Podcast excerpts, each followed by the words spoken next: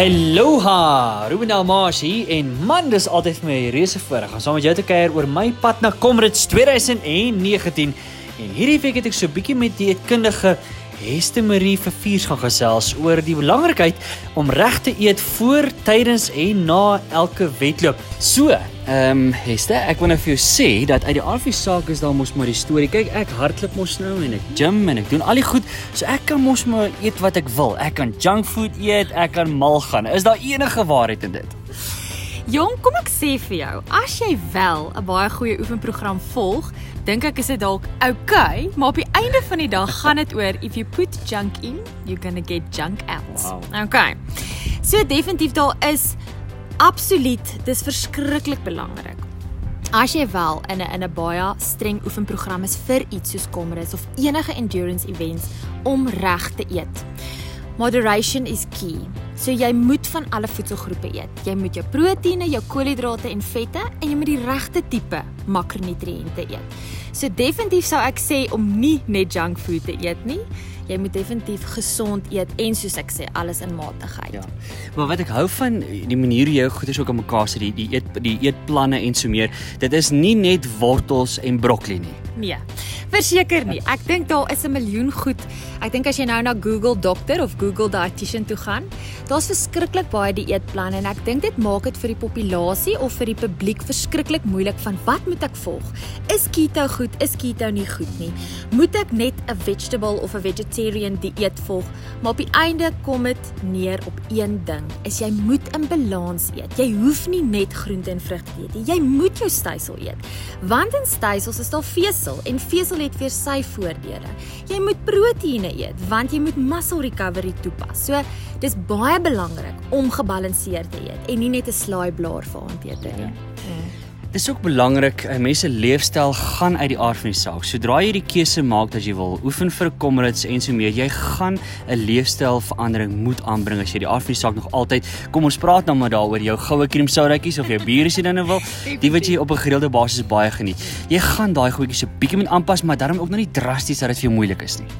So definitief ons sê altyd as jy sê net maar jy vat jou 7 dae in die week en vir 5 dae eet jy goed, mag jy cheat. Ek gewoonlik as ek 'n dieet uitwerk vir iemand wat, soos ek sê, train vir iets soos Comrades of vir iemand wat wil gewig verloor.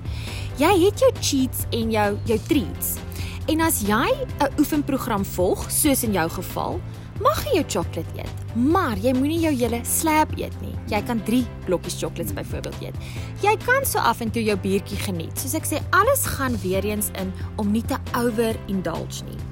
In terme van wat jy moet verander, wat verskriklik belangrik is, is goed soos hidrasie. Jou elektrolyte moet reg wees. So daar is definitief boonbehalwe die feit dat jy gaan gebalanseerd eet, gaan jy ander toepassings moet maak. Soos byvoorbeeld as jy min water gedrink het. Jy's iemand wat nie baie water drink nie.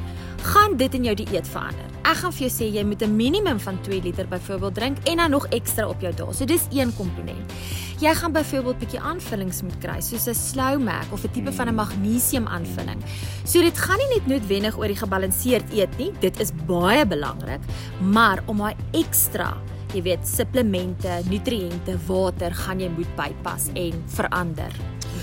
Dis dan in die aard van die saak jou daaglikse dieet. Ehm um, van van maandag tot maandag en dis hoe dit gaan en 'n mens kan so hier en daar 'n bietjie aanpas. Maar ek dink die belangrike ding hier is ook en hierdie is die groot ding wat ek geleer het vandat ek by jou uitgekom het, is is voor, tydens en na 'n wedloop. 'n Mens kan eenvoudig nie net in 'n wedloop ingaan en net sê weet jy wat, ek gaan water drink of ek gaan koeldrank langs die pad drink. 'n Mens moet terugsit. Dis kardinaal belangrik. Vertel ons 'n bietjie van daai proses. Okay. So as ons gaan vinnig praat oor pre um amper of pre-nutrition. Al wat gebeur voordat jy nou vir iets hardloop soos 'n 'n Comrades of kom ons sê net 'n gewone maraton. Die eerste vraag wat meeste pasiënte of kliënte het is, wat moet ek eet die oggend? Wat 'n spesiale kos kan ek eet? My reël is stick to what you're used to. As jy van maandag tot vrydag 'n Future Life bakkie pap eet met 'n eier en 'n snytjie toast, dan hou jy dit presies so. Moet niks verander, jy moet niks snaaks eet. Jy moet nie ewe skielik 'n hamburger met slapchips wil eet nie want dit bevat mos nou baie koolhidrate. Of party mense het die 6 biere voor die aand. Dis alles goed, soos ek sê, jy moet bly by wat vir jou werk. En dit is soos ek sê, as jy van maandag tot vrydag dit doen, dit gaan jy doen die oggend van jou reis Of dit nou 'n gewone maraton is van 42 km of 'n Comrades van amper 90. Jou ontbyt bly dieselfde. Gewoonlik van my kant af wil ek graag hê dan moet 'n vrug wees, dan moet 'n goeie koolhidraatbron wees soos breinbrood, 'n tipe van 'n ontbytpap en ehm um, as mens kan 'n melk of 'n of 'n suiwelproduk by bysit of 'n tipe van 'n proteïen. As jy moontlik kan iets soos 'n eiertjie eet, weer eens, jy moet gewoond wees om 'n eier te eet elke oggend.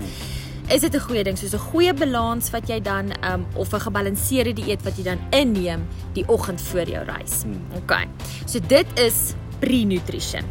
Dan tydens nutrition. So daar is weer eens klomp goed wat besig is om die rondes te doen. Ek dink meeste van die ehm um, atlete het al gehoor van keto nutrition. Sommige glo ek hoef nie te veel nie. Veel beteken om koolhidrate in te neem per uur. Ja. Weerens dis 'n heeltemal 'n ander ball game. Dit is 'n dit is omtrent 'n hele ander gesprek. So ek gaan nie te veel ingaan in die keto nutrition in nie. Maar net vinnig om te sê wat dit is. Dit is mense wat fat adaptation toepas. So hulle voel nie tydens 'n maraton of so nie. Hulle hulle gaan bloot op hulle vetstore en uit die vetstore verkry hulle hulle energie en hulle kan hulle weet half deur 'n maraton dra. Maar wat die catch 22 is en dit is wanneer moet jy begin voel? Wanneer is daai vetstore gedeplete? Wat half bietjie vir my nog moeilik is om uit te figure. So kom ons gaan op die normale gewone planne wat al jare toegepas word. En dit is koolhidrate. So vir elke uur en dis min of meer 10 km vir jou average runner, moet jy 'n hoeveelheid of 'n aantal gram koolhidrate inneem. En daar is verskriklike oulike produkte op die mark. Gaan nie noodwendig brands noem nie, maar dit is goed soos jou gels en jou goose. Daar's um rysbars, daar is endure tabs van sekere uh, uh, um hoe sê maatskappye of of um produk produkte. Dan is daar rehydrates wat jy kan gebruik, maar op die einde van die dag gaan dit oor die spesifieke hoeveelheid wat jy inkry. Ek help jy gaan net 4 gram koolhidrate inneem op 'n uur, dis nie genoeg nie. So ons werk gewoonlik met 'n minimum van 20 gram koolhidrate en 'n sweet spot is tussen 35 en 40 gram koolhidrate per uur. Jou topatlete, as jy kyk na jou fietsryers en so, gaan tot en met 70 gram koolhidrate. Nou die volgende vraag gaan seker wees nou hoe kry jy dit in? So daar is jy kry jou um sports drinks. Weerens ek sê jy kan goose gebruik. Sommige mense hou van 'n toebroodjie.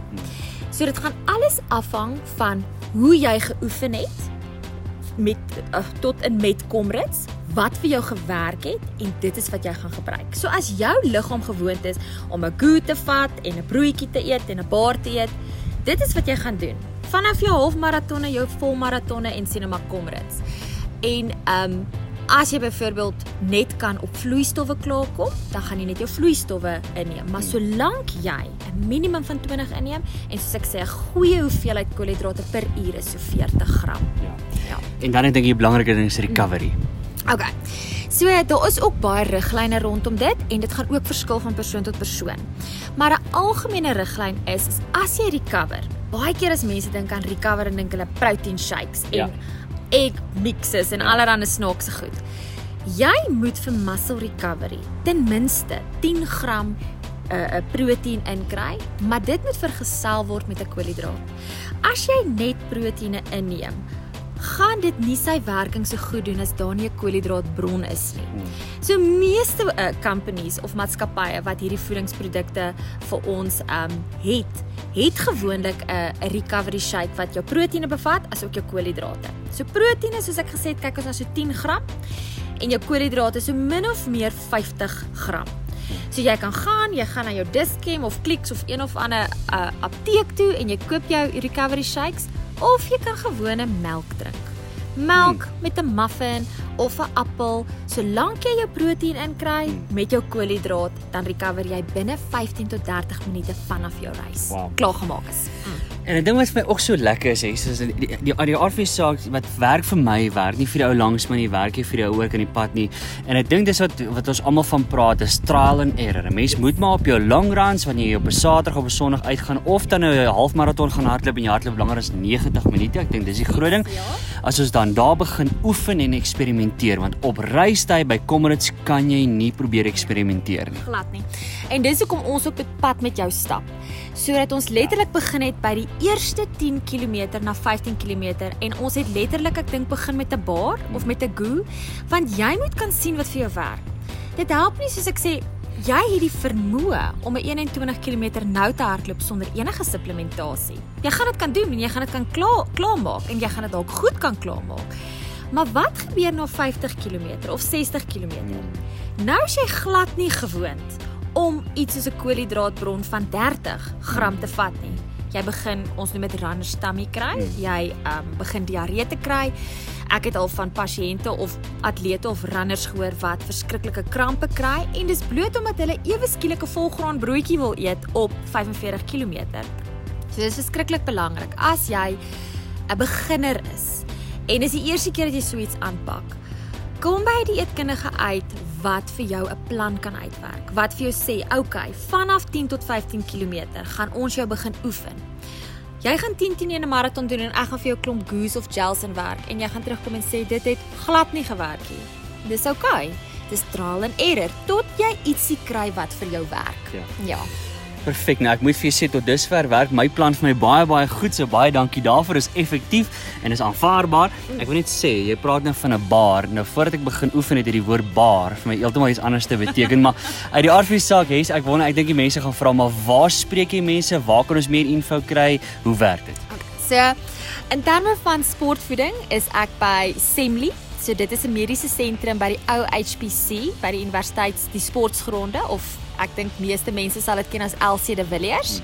So jy kan enige gaan op die webwerf enige tyd 'n afspraak maak vir soos ek sê enige endurance events of dit nou hardloop is of fietsry driekamp sal jy my definitief daar kry. En ja, soos ek sê vir gewone gewigsverlies ook. Jy weet baie keer wil jy net in 'n oefenprogram kom en dalk 'n reis of twee doen, maar bietjie gewiggies afskud, kan jy my definitief skakel vir dit ook. Okay, hês uit die aard van die saak, ek dink die belangrike ding gaan wees kontak besonderhede. Hoe kom ons by Hes uit om ons te help met hierdie vetjies van ons? Okay. So as jy 'n afspraak wil maak, kan jy die volgende nommer skakel. Dit is by die Assembly kantore. Dis 012 484 1711. So 012 484 1711. Of jy kan my e-pos as jy enige vrae het of so by hestemariefeviers@assembly.co.za. So dis H E S T E M A R I E dot V I V I E R S @assembly.co.za. Gaan weer gou herhaal H E S T E M A R I V I V I E R S @assembly.co.za. En assembly is letterlik S E M L I. Dis perfek. Baie dankie.